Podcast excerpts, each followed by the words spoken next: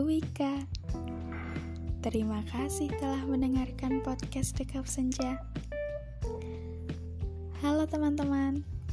Malam ini aku kembali lagi di podcast Dekap Senja dan terima kasih karena masih mau mendengarkan.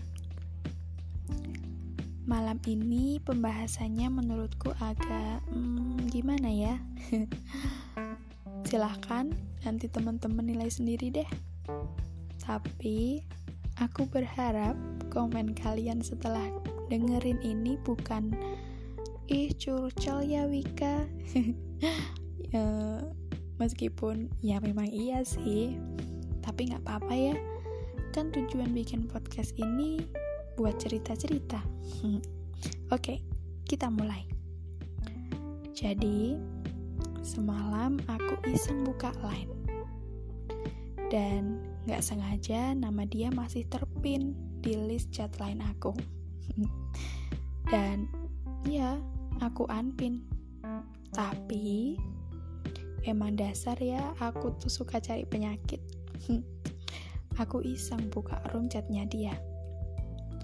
Pas baca-baca, hmm, malu sendiri dan senyum-senyum sendiri. Ternyata kita pernah sedekat itu ya. Ternyata kita pernah sebahagia itu. Dan ternyata kita pernah saling nyaman ya. uh, ternyata banyak hal yang gak penting yang ketika itu menjadi pembahasan yang menyenangkan setiap harinya. Dan ada juga kekesalan-kekesalan kecil yang dia perbuat setiap harinya. Karena waktu kita yang singkat, tapi hampir kita tidak pernah bertengkar ketika itu. Ah, kesal jadi kembali ke memori itu lagi. tapi ya udah, gak apa-apa. Kalau boleh jujur, dia adalah salah satu orang yang ceritanya bisa dikatakan cukup panjang tapi juga cukup singkat buat aku. Gimana tuh? Iya, cukup panjang buat mencapai di titik kita merasakan saling, tapi cukup singkat juga titik saling itu karena masing-masing dari kita yang tak punya keberanian untuk melawan keadaan. Meskipun cerita kita tak berumur panjang, aku cukup banyak belajar dari sana.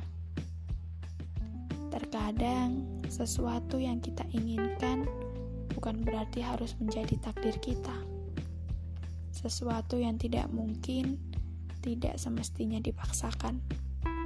Dan sebaik-baik perpisahan, tidak ada yang baik-baik saja.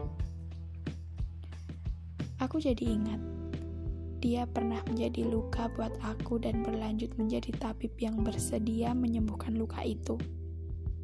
Tapi ternyata semesta memiliki rencana yang berbeda. Ia mengizinkan dia untuk menjadi tabib dalam beberapa saat, hingga kita harus sama-sama saling terluka oleh hal yang bukan kuasa kita. Tapi gak apa-apa, kita akan sembuh dengan proses kita masing-masing. Aku yakin itu. Meskipun yang dulu sedekat nadi dan mungkin sekarang sejauh bumi dan matahari, um, ya udah, gak apa-apa. Kan kita juga butuh ruang untuk sembuh. Jaga diri ya orang baik.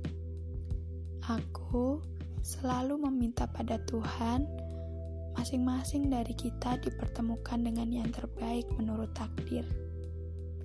Karena meski kita harus berpisah arah karena dipaksa oleh keadaan, gak apa-apa.